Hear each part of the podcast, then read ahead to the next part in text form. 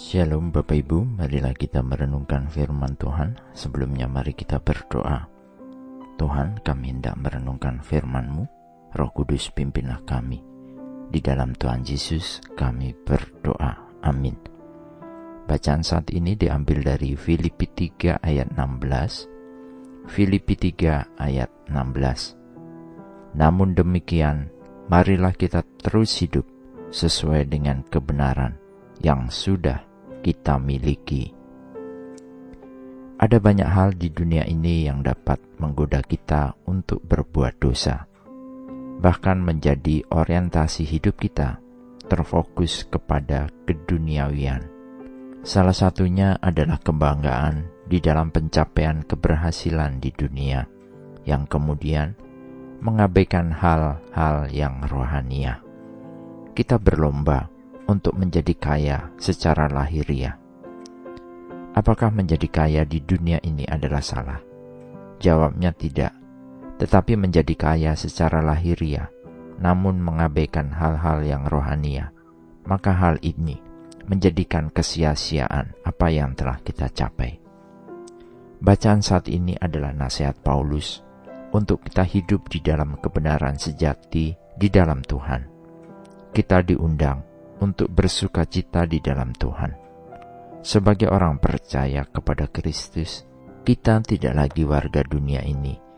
Kita menjadi orang asing dan pendatang di dunia ini.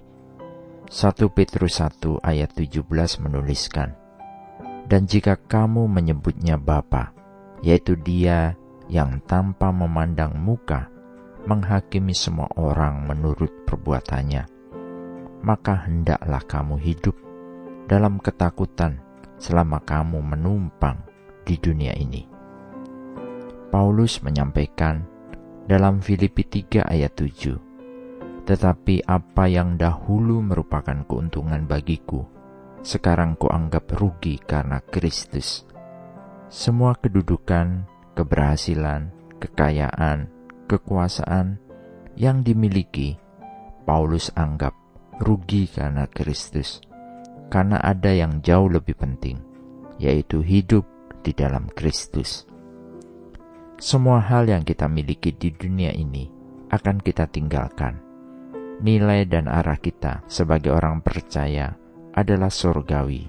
Hidup kita hendaknya dipedomani dengan prinsip-prinsip surgawi yang semuanya ada tertulis di dalam Alkitabnya. Yohanes 14 ayat 2, Tuhan Yesus berkata, di rumah Bapakku banyak tempat tinggal. Jika tidak demikian, tentu aku mengatakannya kepadamu, sebab aku pergi ke situ untuk menyediakan tempat bagimu. Tempat sudah disediakan, namun bukan berarti kita yang di dunia ini tidak mempersiapkan untuk datang ke tempat yang telah disediakannya. Kita juga perlu mempersiapkannya.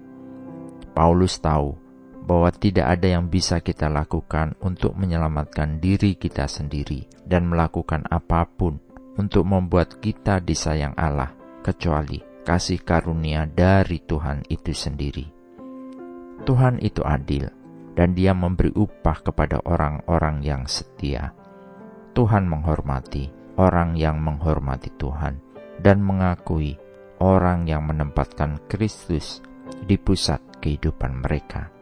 Oleh karenanya itu, marilah kita tetap hidup dengan standar surgawi, maka hadiah panggilan di dalam Kristus Yesus tersedia bagi hidup kita. Amin. Mari kita berdoa. Bapa Surgawi, terima kasih atas iman percaya kepada Kristus dan keselamatan yang Tuhan sudah beri. Kami berdoa dan memohon agar kami dapat menjalani hidup dengan standar kekudusan di dalam Tuhan, dan kami ingin mempersembahkan hidup kami untuk hidup yang memuliakan nama Tuhan saja. Tolonglah kami senantiasa, dan inilah doa dan permohonan kami di dalam Tuhan Yesus. Kami berdoa. Amin.